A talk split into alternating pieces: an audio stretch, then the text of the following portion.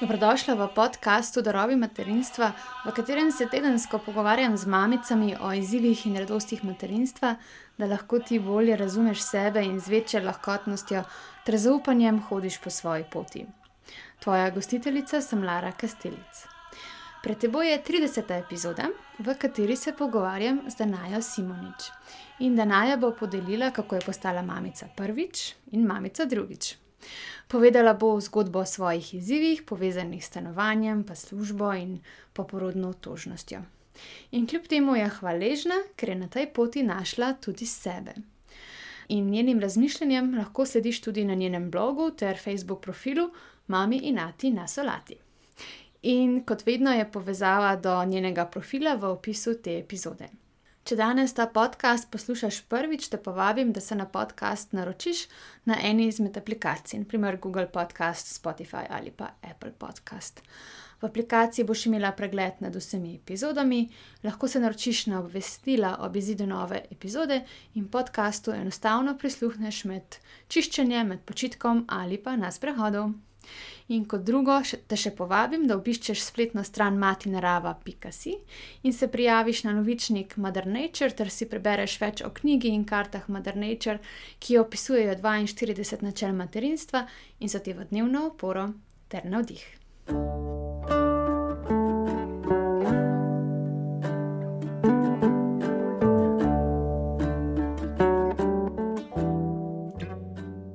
Dobrodošla, Danaja, lepo pozdravljena v tem podkastu.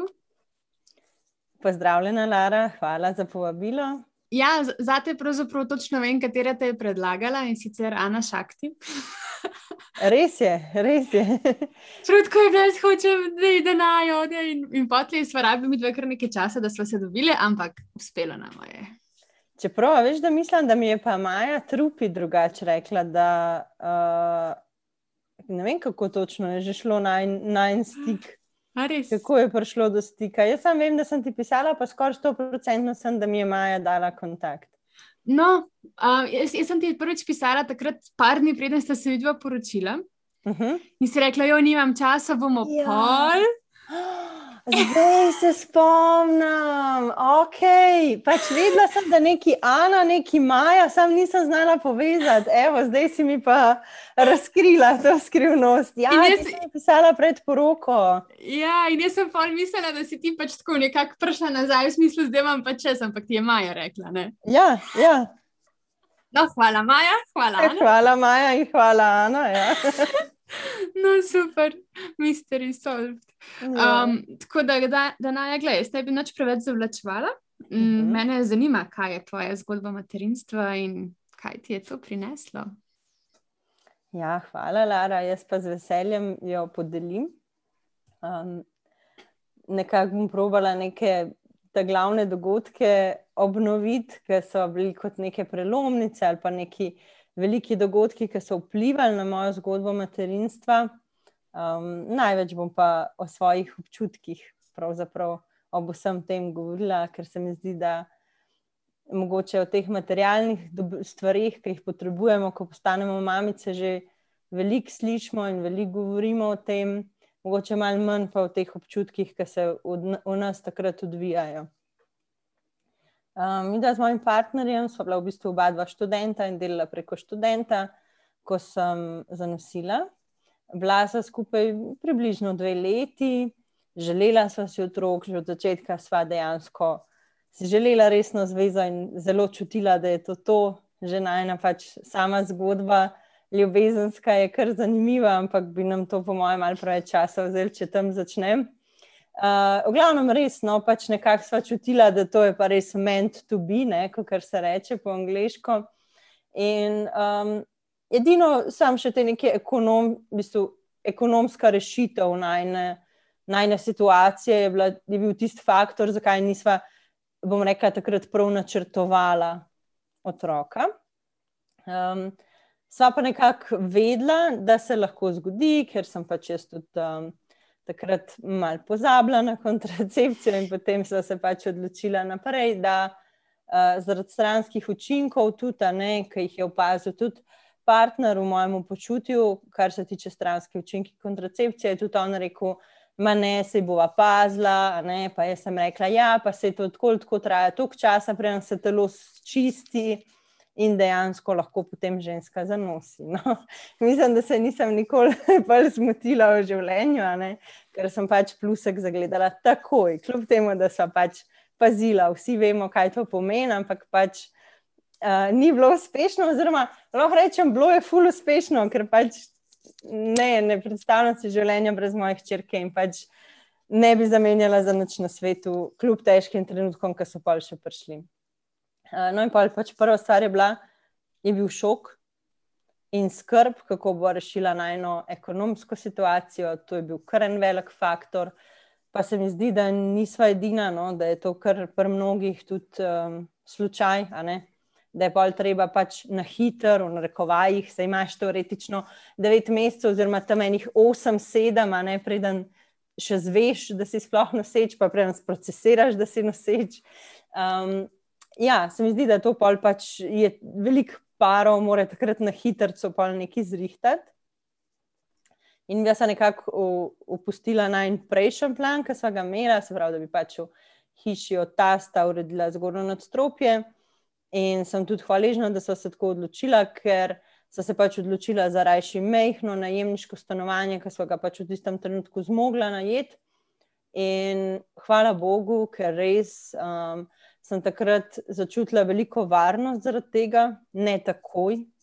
Um, res eno skupnost, najno odnos se je pol s časoma, ne se pravi. Pač, ko je tisti pretres in vsi, vsi občutki, ki so v meni vreli, ko se je tisti močkan umiril, sem začutila res tisto globjo povezano s partnerjem.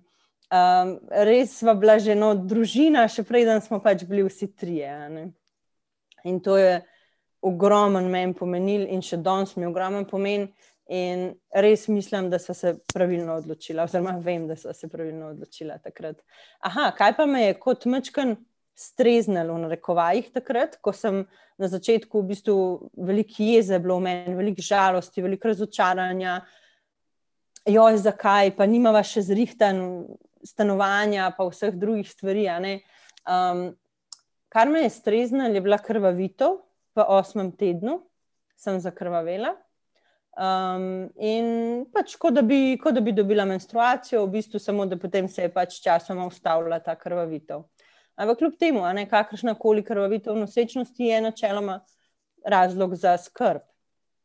In seveda, ko sem klicala ginekologinjo, me je takoj, oziroma ginekologa sem imela takrat, me je takoj usmeril na urgenco, um, kjer potem so prvič naredili notranji ultrazvok ker pač čez trebušček se takrat še nič ne sliši, ne vidi.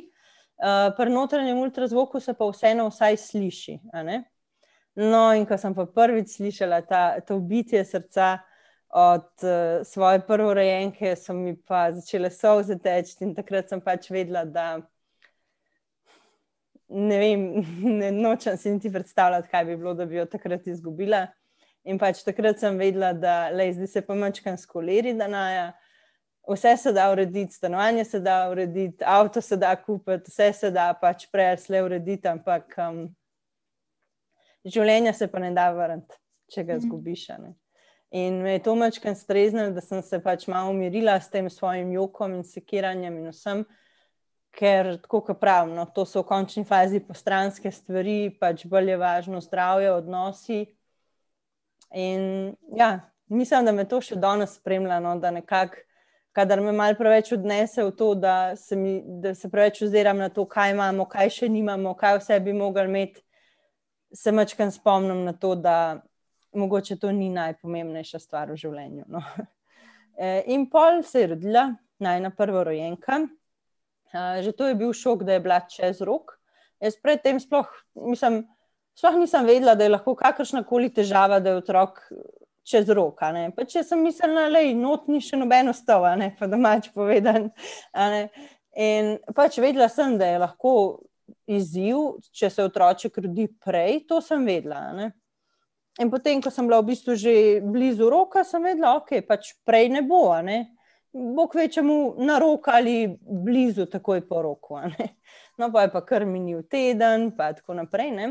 In um, 11 dni čez rok sem v bistvu s prožitvijo, ne sprožil sem jo v Ljubljanski porodnišnici in sem imela zelo hiter, zelo intenziven porod, ki me je v bistvu predvsem navdal z občutki, da um, jaz kot porodnica, pa moje želje pač niso pomembne, da pač gre vse zelo hitro, zelo rutinsko, zelo uh, tako, kar popolnoma razumem, ne, ogromno porodov se zgodi tam in vse.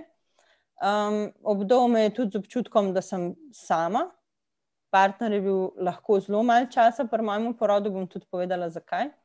Um, z občutkom, da pač nisem slišana, da karkoli govorim, pač se me ne upošteva. Um, in v bistvu z enim velikim strahom, ki je povzročil tudi veliko zakrčenja v telesu. In ko si ti zakrčen, enostavno pač popadki bolj bolijo, isti z bolj boli in tako naprej. Lahko tudi pride do kakšnih zapletov, tako da jaz celo spet sam zahvalim vesolju oziroma kakorkoli že kdo od nas reče, um, da se je kljub vsemu pač brez kakršnih koli zdravstvenih zapletov uh, zgodil prvi porod. Uh, zakaj je bil partner lahko čist malo časa pri porodu? Zato se je zgodil med obiski, se pravi, da je bil on že tako, tako tam. Potem so pa njega poslali v spremno pisarno, če se ne motim.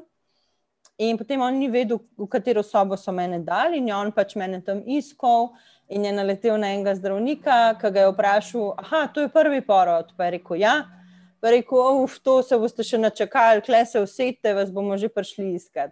Ampak pač to sploh ni bil moj zdravnik, on sploh ni vedel, v bistvu, kaj se čas dogaja z mano, ker v bistvu sploh ni vedel, kdo sem. Ne? Sej ne mogoče, da bi vedel, ker jih je bilo ogromno naenkrat. Mislim, da nas je bilo brez pretiravanja, mislim, da nas je bilo okrog 20 naenkrat, porodnic, ja.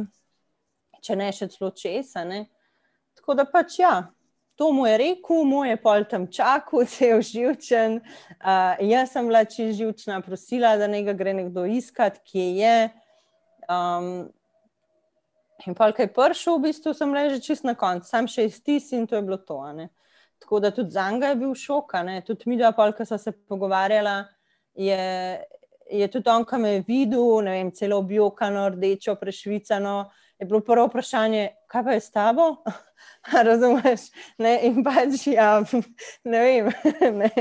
Um, tako da, ja, no, tudi za njega je bil v bistvu šok, vesel je bil sam, da je hčerka zdrava.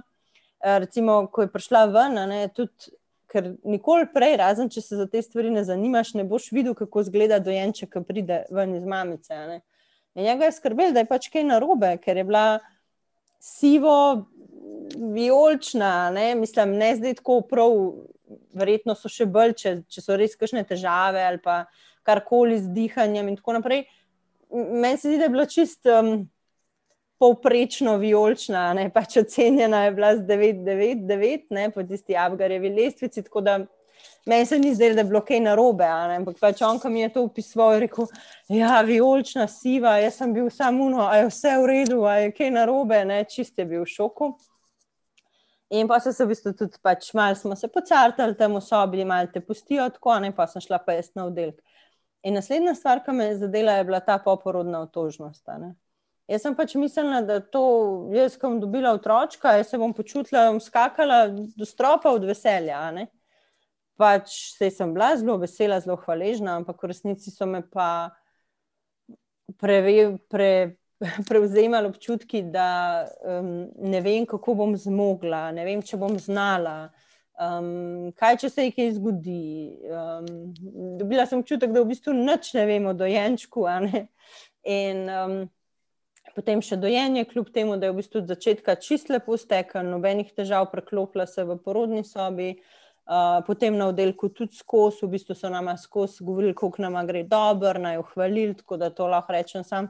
Hvala, kaj mislim, da bi mu na mojo stisko še bolj poglobili, če bi mi karkoli govorili, da nama ne gre v redu. In potem so tudi pač normalno šle domov, po dveh dneh, pa pol približno. In doma se mi zdi, da sem se prvič lahko tisto oh, oddahnila, tisti oj. Da je pač že to, da sem šla po tuž, brez tistega nekega strahu, da kar slišim njen jok in da kaj se bo zdaj zgodilo z njo, da čas, ko sem potušam, sem vedela, ok, v redu, pač se jim moj čuva mislim, moje svojo hčerko in to je to. Jaz sem lahko imel potuš, lahko si umijem lase, lahko se namažem s kremom po telesu. Vse te malenkosti, ki se nam zdijo tako brez veze ali pa samo umnevne, ampak pač se mi zdi, da kar naredijo razliko no, pri ženski, pa tudi pol pri mamici, kako se pač počuti. Ali se ti počutiš, da nimam več časa zase, ali se počutiš, da okay, vsem poskrbim, saj v osnovne stvari zase. No, potem, no, v bistvu, tudi ko smo prišli domov, kljub temu, da smo začeli fuluživati s hčerko, me je presenetilo tudi to, da ne bom jaz glih sposobna čisto vsega rihtati takoj, kar se tiče stanovanja, kuhanja in podobno, in da bi mi kakšna pomoč še kako prav prišla. Kar sem bila prej, vam rekla, prepričana, jaz pa res ne, to pa mm -mm, ne. In moj partner je bil takrat še prek študenta zaposlen, pa so ga sicer kasneje redno zaposlili, ampak takrat je bil še prek študenta in on v bistvu ni imel očetovskega dopusta in je šel po štirih dneh nazaj v službo ker je pač mogel iti. In um, ja, meni je bil kar šokno, pa ker sem ostala sama. In ja, nekako, mislim, v enih trenutkih sem se počutila kot ena super mama. Pa sem imela občutek, da vse me ne boli, vse je super, vse lahko pospravim, uh, hčerka veliko spi, ko se zbudi, se lepo napoka, podoji, in potem spančka naprej sam, potem pa ni bilo več skozi tako. Udarila me je vsa utrujenost, izčrpanost za nazaj, um, bolečine, ne, seveda, uh, čišča po porodu, te tudi kar, bom rekla, izčrpa. Ne, gre veliko krvi iz ženske, kar dolgo, mislim, kar dolgo traja to obdobje. Um, in vse to, no, vse te stvari. Tako da sicer pol kasneje, bom rekla, v tem roku enega leta, te porodniške, sem imela tudi pomoč strani mame in tete svoje, za kar sem jim zelo hvaležna. Ampak v tistem začetnem trenutku pa ne, ker sta bile pač na enem potovanju. In um, ja, pač jaz sem pa tudi mislila, se ne bom rabila, ne boste že prišli nazaj, pa bomo pol se videli. Tako da, ja, uh, to je ena stvar, ki sem jo v drugo, potem drugem porodu, de, po drugem porodu, definitivno drugače vzela. In je bila velika razlika, ker je bil lahko moj en mesec z mano, res bom rekla, poskrbel za nas tri, takrat že pola. Ne? Ampak ja, sem se najprimerljivo boljše počutila. No? Um, potem pa pri treh mesecih je pa prišel prvi izziv z dojenjem, ko ne bi hčerka pridobila premalo teže. In jaz res tega nisem pričakovala, ker od nič do ena, ne, do prvega meseca je dobila še nadpovprečno teže. Se to se, potem, ko sem šla raziskovati, se to veliko krat zgodi. In potem med prvim mesecem in tretjim mesecem v bistvu pridobijo manj, ampak v resnici se pa tista krivulja gliho ravna. Ne. No, takrat je bil pa pač očitno to razlog za skrb, ne, kar se pedia, kar strani pediatrine, kako je ona rekla. In seveda, mi dva pač prvič starša, prestrašena, so šla takoj po adaptirano mleko. Uh, sicer sem se pač trudila, jaz sem dojila do 14. meseca, do takrat, ko se je sama odstavila, in po noči smo v bistvu vedno dajali eno flaško. Um, teža je že pri naslednjem pregledu bila super. Ampak v meni pa pač ostajal tisti um, dvom, da je mogoče tudi tu ena flaška premalo in da bi mogli še več dodajati, in še več, in še več. In pač verjetno bi pa v tem primeru itak zaključila z dojenjem. Tako da dobro, da sem imela vsaj podporo nekaterih prijateljic, bom rekla v končni fazi, tudi kakšna skupina na Facebooku ni bila tako napačna, ne? sem mogoče tudi kakšen dober nasvet glede dojenja dobila, ali pa vsaj me je pomiril to, da je še kakšna druga reka, ja, moj je tudi pridobil tok pa tok gramov od takrat do takrat ne? in se pojmačkan mogoče uno si rečeš, ah, ok, ne, mogoče pa ni tako strašno lačna. Ne. Ker sem si potem res priznam, ne, do skoraj do konca dojenja, kljub temu, da je že jedla gosto hrano in vse. Bom rekel, sem si skoraj vsak jog, sploh pa po noči, pač razlagala kot lakoto. Mm. In čeprav smo dali tisto eno flaško, jaz sem se še kar sprašvala, kaj če ni dovolj, kaj če bi mogla še, kaj če bi mogla še.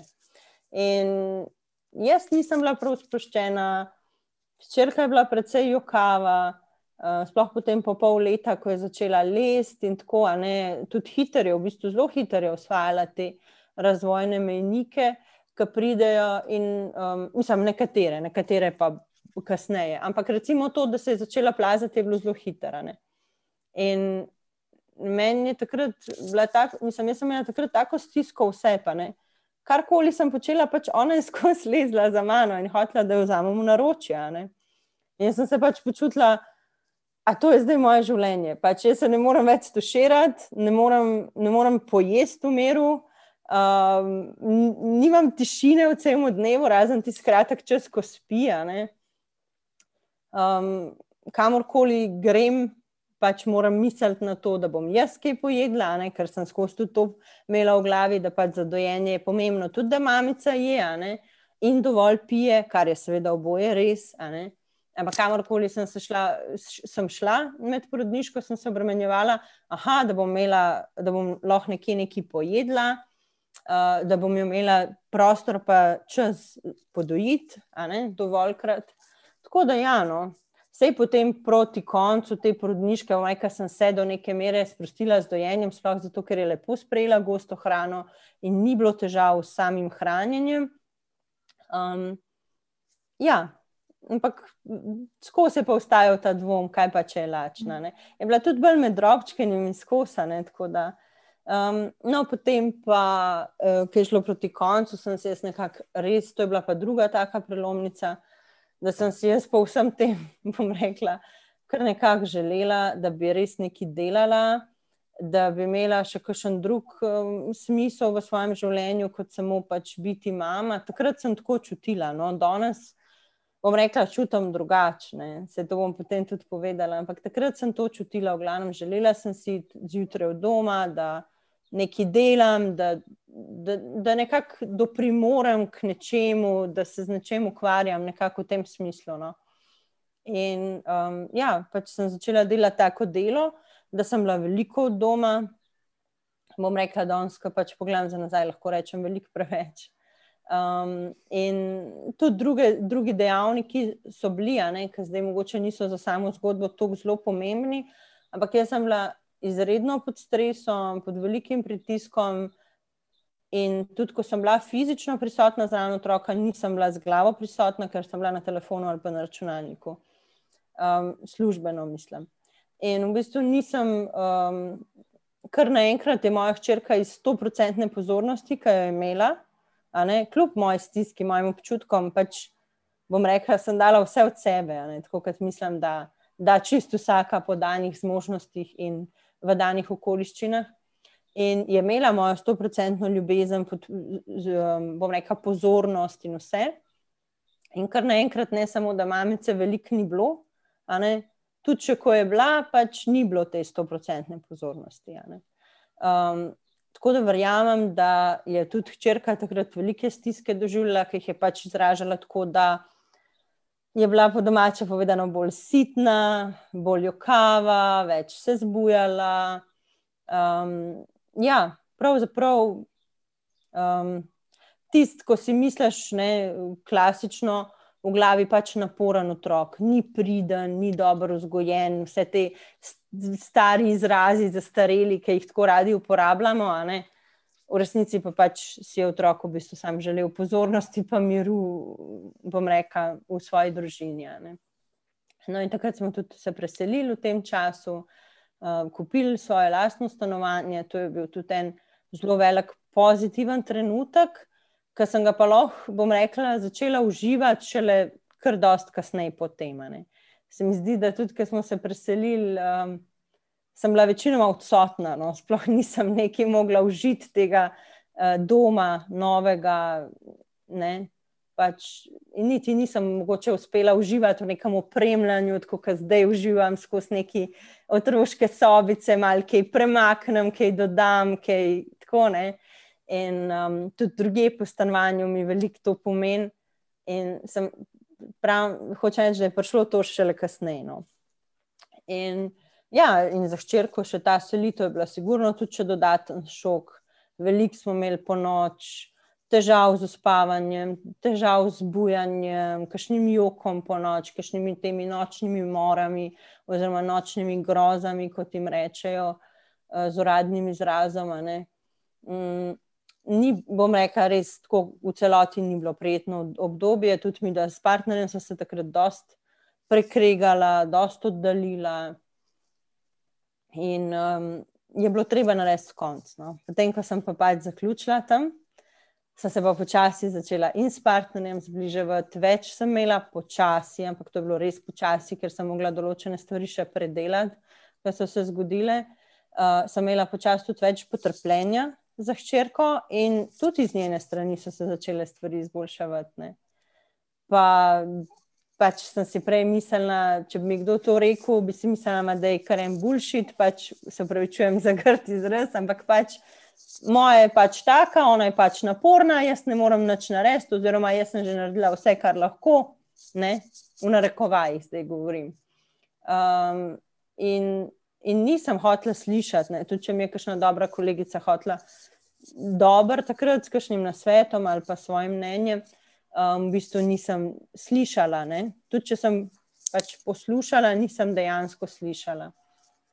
In sem potem sama prišla do tega. Uh, je začela po noči bolj spati, uh, se je nehalo kakšno lulanje, v smislu, da pač je ušlo, ko smo odvajali od pleničk. Um, vse stvari so se počasi umirjale.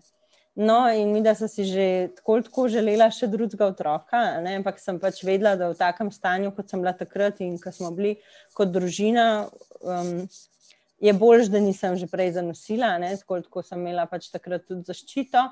In ko sem jo odstranila, v bistvu mi je bilo rečeno, da to ne bo še kmala, ne počakajte, telo se moraš čistiti.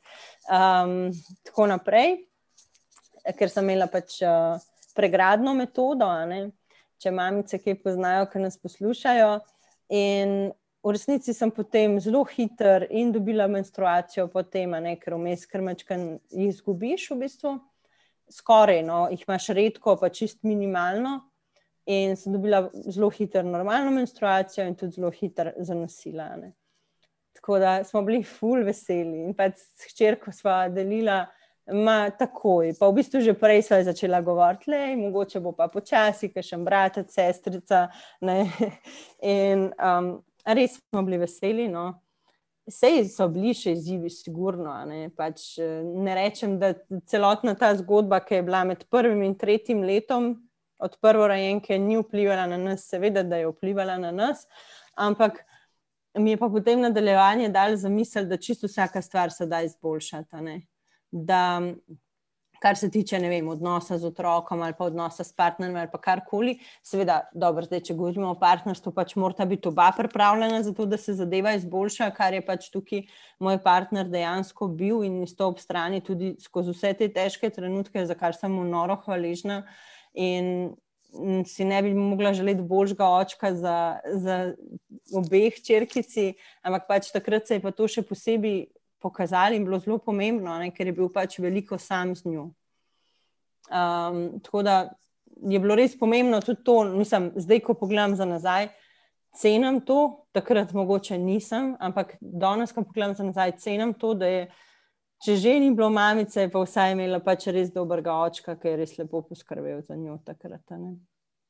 In um, potem, ja, nosečnost je potekala druga, lepo, nič posebnega, nobenih zdravstvenih ali pa kakršnih koli drugih posebnosti. Zdaj se mi je, da je ful hitro minila, zato ker enostavno, pač, ker že imaš enega otroka, se ti ful dogaja in kar naenkrat pač je čas za roditi. No, ampak tukaj nas je pa pol ta epidemija presenetila. Marca je sem imela pa sredi aprila rok. Tako da pol tukaj, no, ampak. Um, bom rekla, lahko najdem neko pozitivno, mislim, kar veliko enih pozitivnih stvari v, tem, v tej epidemiji, ker me je pripravila do tega, da sem se dejansko soočila s stvarmi, ki so se dogajale pri tistem porodu, štiri leta nazaj. Um, in da sem potem se tudi res začela pripravljati na porod, na tak porod, kot sem si ga želela. Um, In jaz sem si pač želela, potem, ko je enkrat nastopila epidemija, oziroma jaz sem si želela tega že prej, ampak se partner ni strinjal in jaz sem pač rekla: V redu, ne bom rinila. Jaz mislim, da je to neka taka stvar, kjer jaz čutim, da bi bilo dobro, da oba dva se strinjava.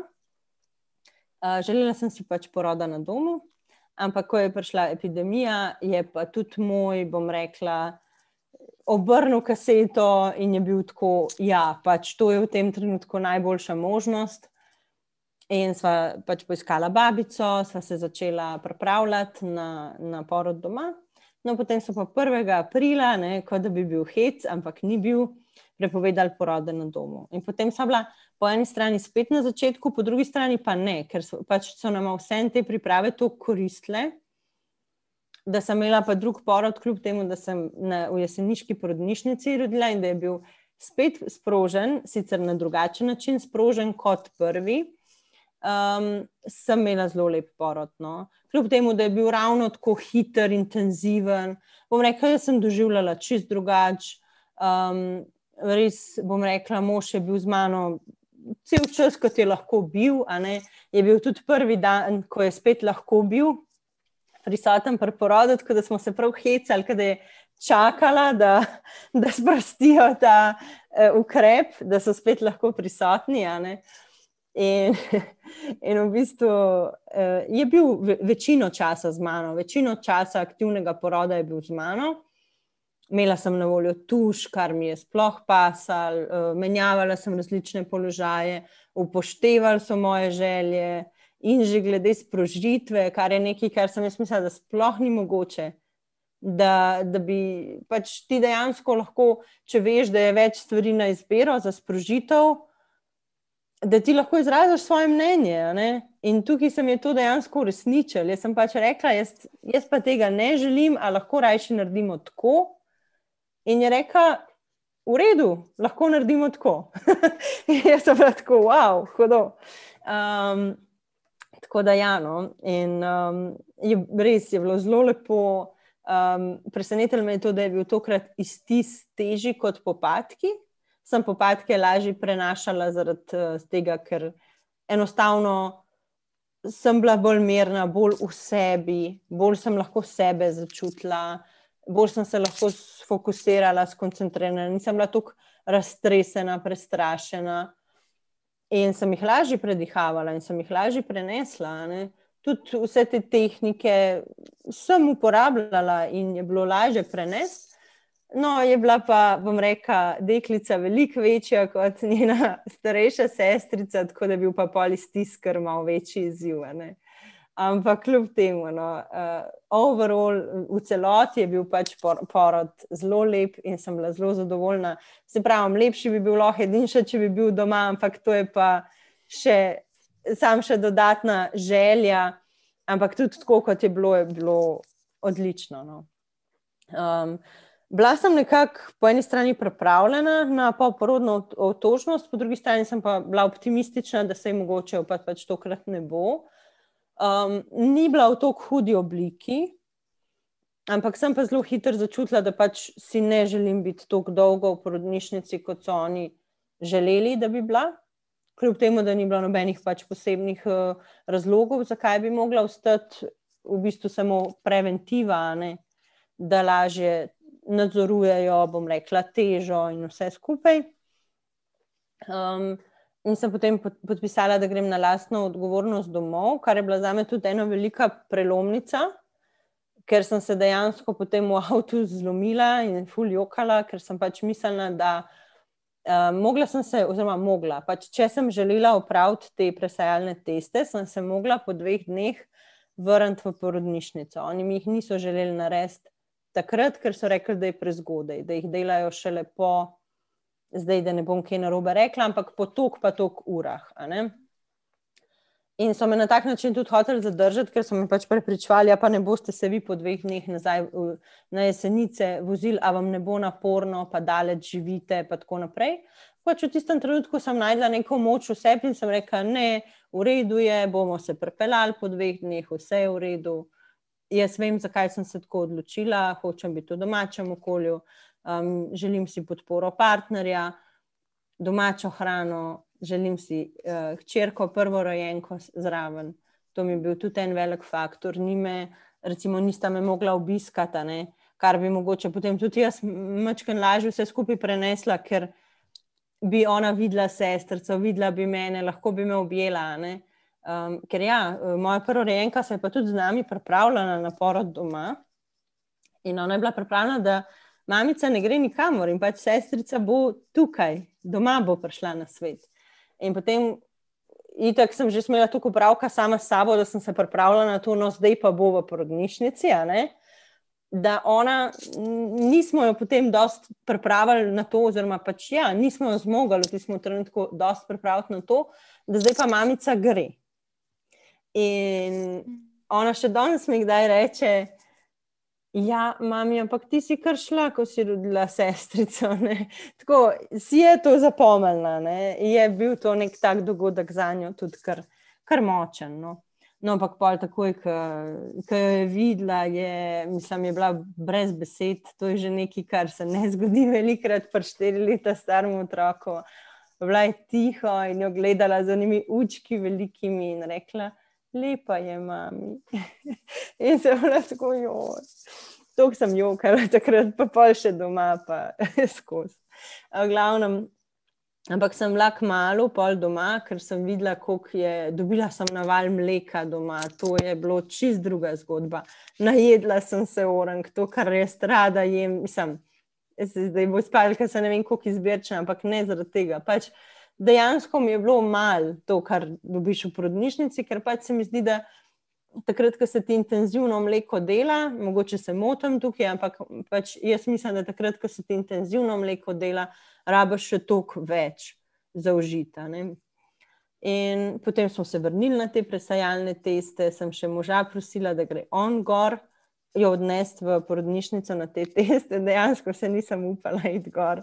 Um, ker sem pač imela kar en iracionalen strah. No, mislim, mogoče ni tako zelo iracionalen, ker se, se je to določenim mamicam že zgodilo, da so potem pač zaradi nekega razloga, ne, mogoče ni bil tudi tako življensko nujen in ogrožujoč. Ampak pač so našli nek razlog, da so jih potem lahko zadržali, ali pa da so jih na kakšno pediatrijo poslali, in podobno. Tako da sem se tega grozno bala, in ni bilo tako zelo so bili prijazni do moža, uh, vprašali so, kako sem, kako se dojiva, uh, vse to. No, v glavnem pač, eh, in še celo ena sestra je rekla: Ja, se, če bi jaz med epidemijo rodila, bi se enako odločila, kot se je pač vaša žena. Tako da.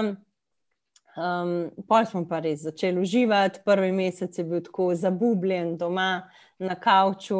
E, bom rekla tudi po, po priporočilu moje izbrane babice, uh, ona me je res glede tega kar uh, tako pošolala, bom rekla, da ne le ležima, ne, da to ni hec, da si pač res premalo časa ženske vzamemo za to ležanje uh, po porodu, ne, da si mislimo, dobro, se je v redu počutim, lahko grem.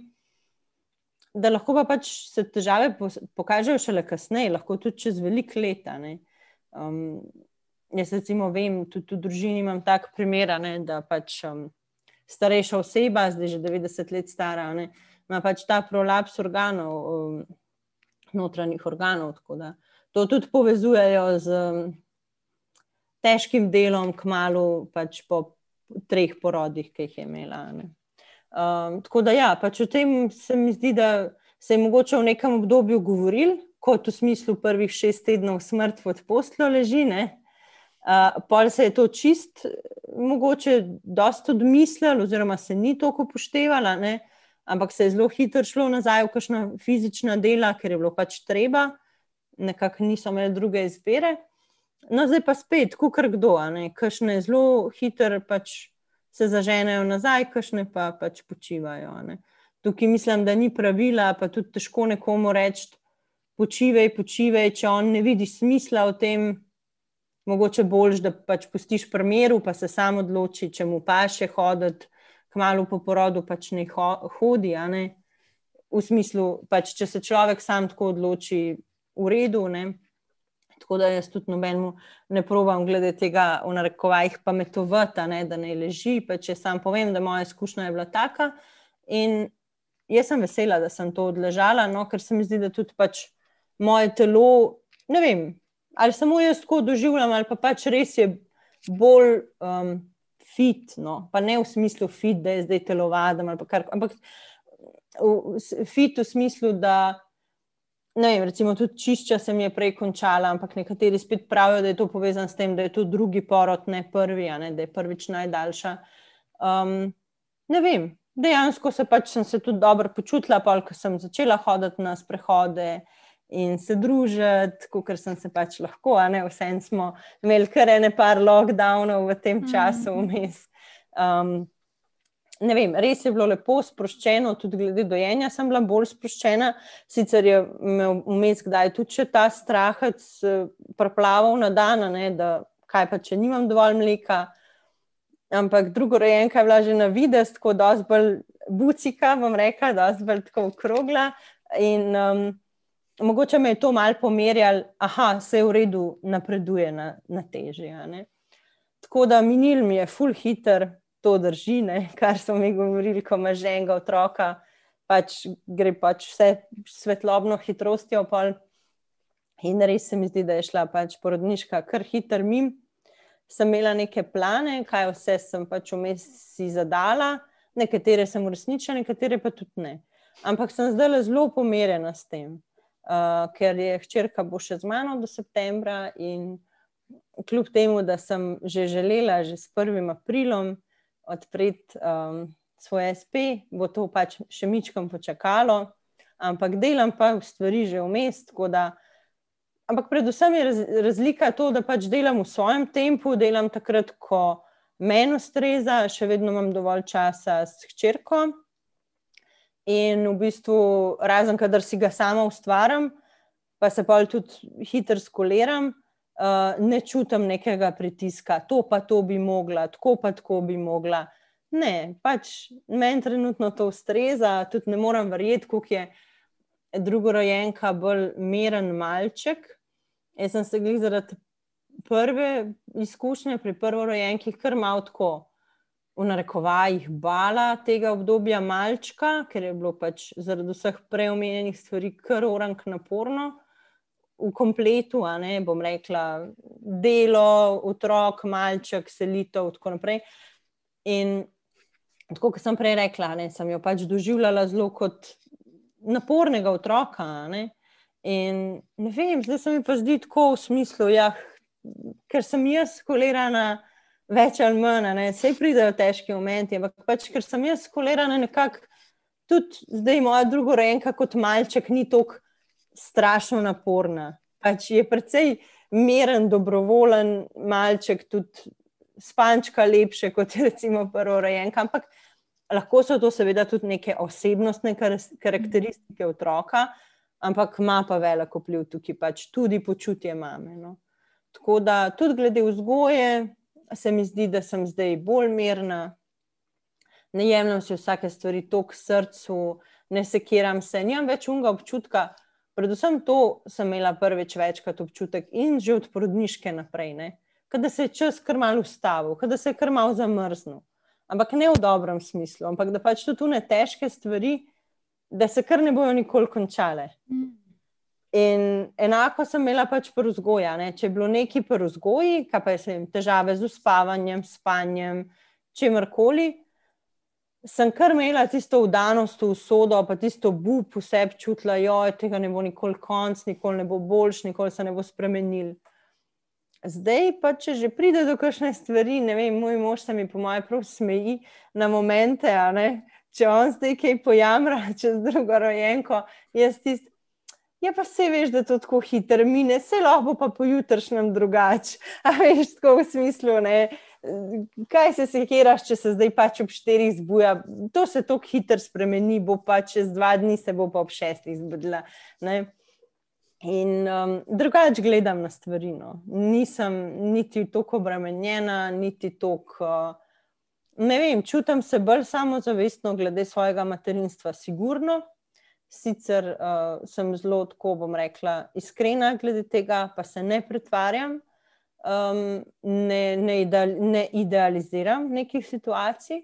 In pač in v pogovoru z bližnjimi ljudmi, ki se pogovarjam, in recimo tudi v svojem blogu, ki ga pišem, povem tudi te momente, ko te zamaje, ko pride dvom, ko se v končni fazi obremenjuješ s tem, Ja, kaj pa če bi mogla drugače narediti? Lej, una pa pravi, da je tako boljš, da bi mogla tako pa tako. Kaj pa če bi res mogla tako pa tako? Um, vse te stvari delim, sem iskrena glede njih, ker se mi zdi, da pač to rabimo ljudje. Da rabimo to, da ja, se da, na eni strani ta optimizem in pozitivno, ja, se da.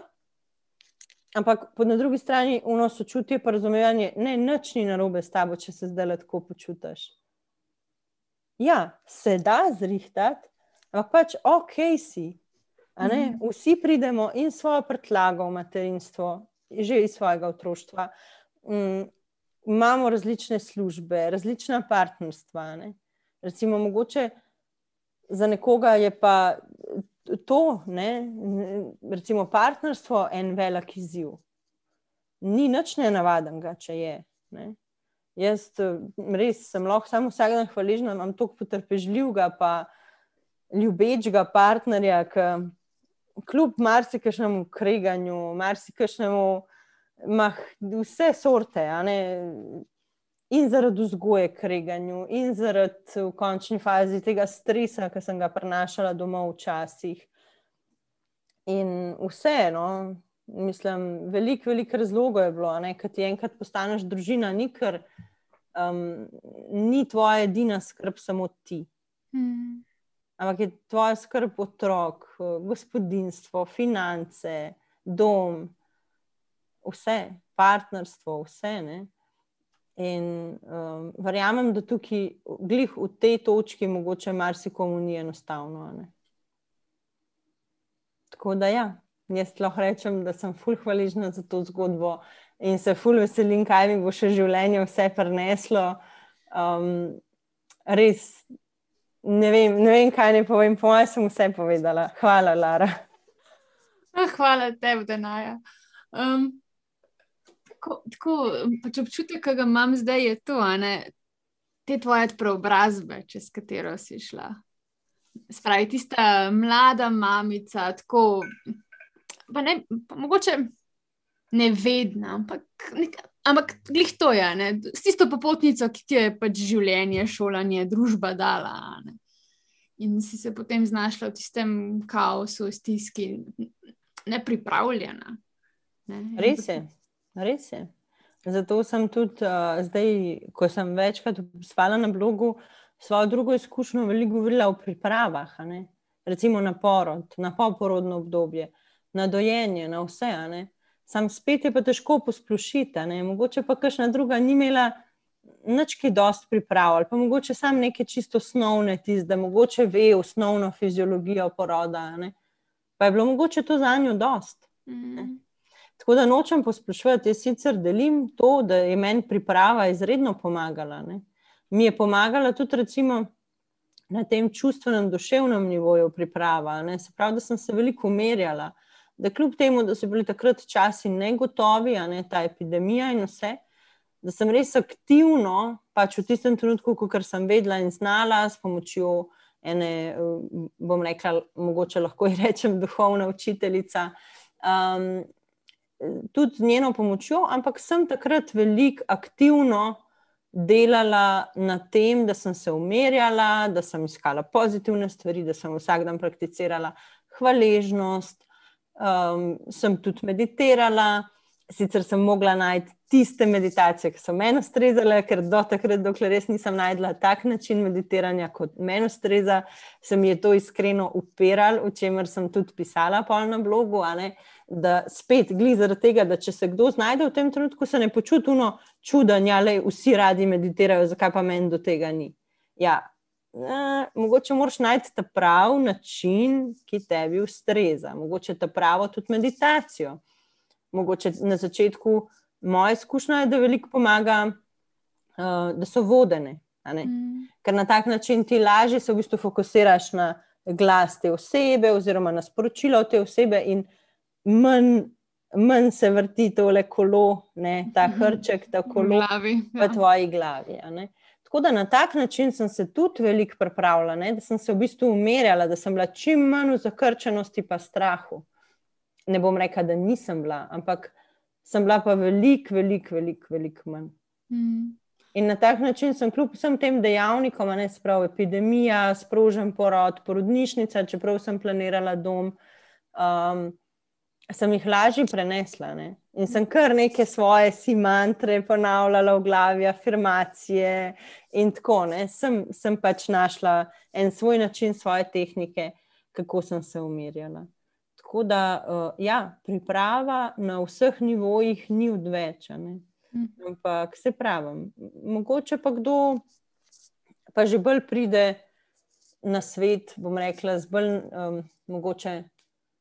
Da, um, mogoče pa ne rabi toliko besed, mhm. se pravi, mogoče neke priprave v smislu, da ve tehnične stvari, fiziologijo poroda, kakšne čustva, ki se vmes v tebi ne, lahko dvignejo, in tako naprej. Mogoče nekateri ne rabijo toliko tega. Ne. Ja, ja, se, se strinjam. Ja. Pa, tudi se mi zdi pač na splošno, kot ste prej rekli, eni imajo izzive z otrokom, meni potem s partnerstvom, ko pride otroka. Uh mhm. -huh. um, tako da to je res od posameznika odvisno. Bi me pa sem še to zanimalo. No? Mene se, me, pač, čez to tvojo zgodbo sem dobila občutek, da je to materinstvo tako postavilo, tako vrnil te k sebi na nek način. Um, tudi prej si mi, pač preden smo snemali, opisala pač tu malo tvojo zgodbo z različnimi službami, pa poklici. Um, tako da me zanima, kakšen SP boš odprla, kaj boš začela delati? Um, v, v začetku um, bo spletna trgovina. Ne bi rada še povedala, kaj bo, kaj bo noter v njej um, ker bi rada tudi, da imaš kam presenečenje, čeprav verjamem, da za marsikoga ne bo presenečenje, ker me že tako dobro poznajo, da vejo, kam pa stacam v lif. Uh -huh. Ampak um, delček bojo pa ravno, delček pač eh, mojega dela, bojo pa ravno videi, no, ki jih snimam uh -huh. za eno revijo, ki se tudi dosta ukvarja z na, naravo, naravo, zdravim načinom življenja in tako naprej. In vse te tematike, ki me zanimajo, tako tako pašajo tja. Uh mhm. Ker, um, tako, tako kot sem večkrat, mogoče že tekom zgodbe povedala, ne, vedno so pač pomembni vsi vidiki, fizično telo, naša čustva, v končni fazi ta duhovni del, odnosi z ljudmi. Tako da mislim, da oni zelo dobro zajamejo to, da je pač človek kot celota in zato sem se tudi spontano, z veseljem odločila za sodelovanje z njimi. No, tako da to bo za začetek. Uh -huh. pa potem pač najbolj me vlečajo, pa se pravi, porodi, nosečnost, dojenje, uh hmm. -huh. oziroma poporodno obdobje, da ne bom tukaj spet kaj preveč predalčkala. Ne. Poporodno obdobje je, ne glede na to, ali ti dojiš ali nikoli ne dojiš, pač poporodno obdobje. In uh, te stvari me zelo zanimajo. No. Tako da, glede na to, da pač nisem iz te stroke in um, pač je mogoče ta. Pri naši generaciji, a ne mogoče ste ti približno isti letnik, kot jaz, a ne se mi zdi, da je še dosti zakorenjeno to, a ne pač moraš imeti nujno izobrazbo na nekem področju, če ne pač ne moreš tega delati. Ne? Tečaji so še vedno tako vprašljivi, ja, vse je sam tečaj. Tako da, če bom pač uspela to premagati, iti na ene par tečajev, ki si jih zelo želim iti, bom mogoče potem tudi v tej smeri našla pot, um, kako še poleg bloga, no, s katerim upam, da že bom rekla na popolnoma free in zastonski način, mogoče kašni mamici tudi kaj pomagam ali pa ji vsaj dam mačkano tehe, to lažbe. Um, poleg tega bloga, no, ki je bolj za hobi, za dušo, um, moram priznati, da pač nisem tak tip človeka, da bi znala zaenkrat to spremeniti v ver dohodka, bloka. Ne. Ga ne znam, ker sem pač preveč uh, izven teh okvirjev, kakšen ne bi izgledal Instagram, kaj ne bi pisali na Instagramu, kaj ne bi bilo na Facebooku. Ne. Tako da se osvobajam teh prepričanj, kako bi mogli biti, in gradim neko svojo pot. Ne. In sem hvaležna za, vsa, za vsakega sledilca, za vsak odziv, za vsak like, pa ne zaradi številk, ker se pravi, ne, pač nimam nekih sodelovanj s podjetji in tako naprej. Um, minimalno, zelo, zelo minimalno. In uh, všeč mi je zaradi tega, ker dobim tisti feedback. Aha, ok, ne, jaz sem vesela, da sem to prebrala. Karkoli jim že to da. Ne. Ali jim to da neko pomiritev, ja, se res, joj, meni se je tudi to zgodilo, sem se tudi tako počutila, joj, ali, ali neko pomiritev, a ja, ok, a ja, pač nisem sama v tem, hudo, ali pa kakšno idejo, ali pa kakšen predlog, ali pa kakšen na svetu v končni fazi. Ne? Tako da te odzivi so za me zato dragoceni, ne iz nekega finančnega vidika, ker ga tukaj pač ni, ampak iz vidika, um, da, da res ustvarjamo neko skupnost, kjer lahko govorimo o stvarih, ki, ki jih čutimo, ki se nam dogajajo v materinstvu, in da pač razbijamo te tabuje. Mm. Da pač materinstvo ni samo idealizirana podoba, vedno urejene, vedno mirne mamice, ki po možnosti zelo romantično rodi in brez težav doji, in to je to. In potem pač otroček nikoli ne nagaja, in nikoli se ne zbuja, in se vozi v lepih vozičkih in lepih triciklih in z lepimi oblekicami. Realnost je pa pač večkrat drugačna. Ne.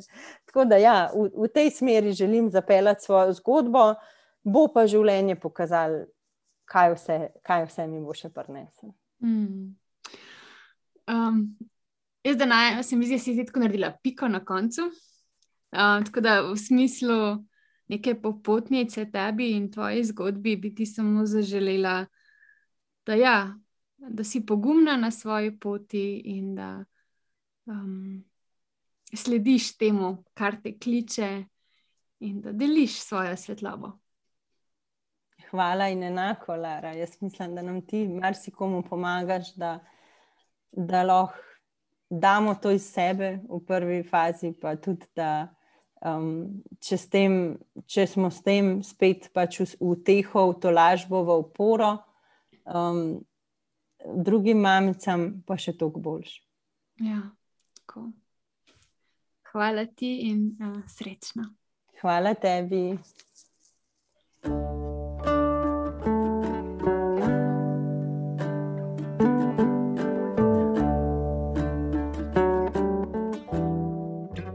Projekt Mother Nature je plod triletnega mednarodnega sodelovanja žensk iz petih držav.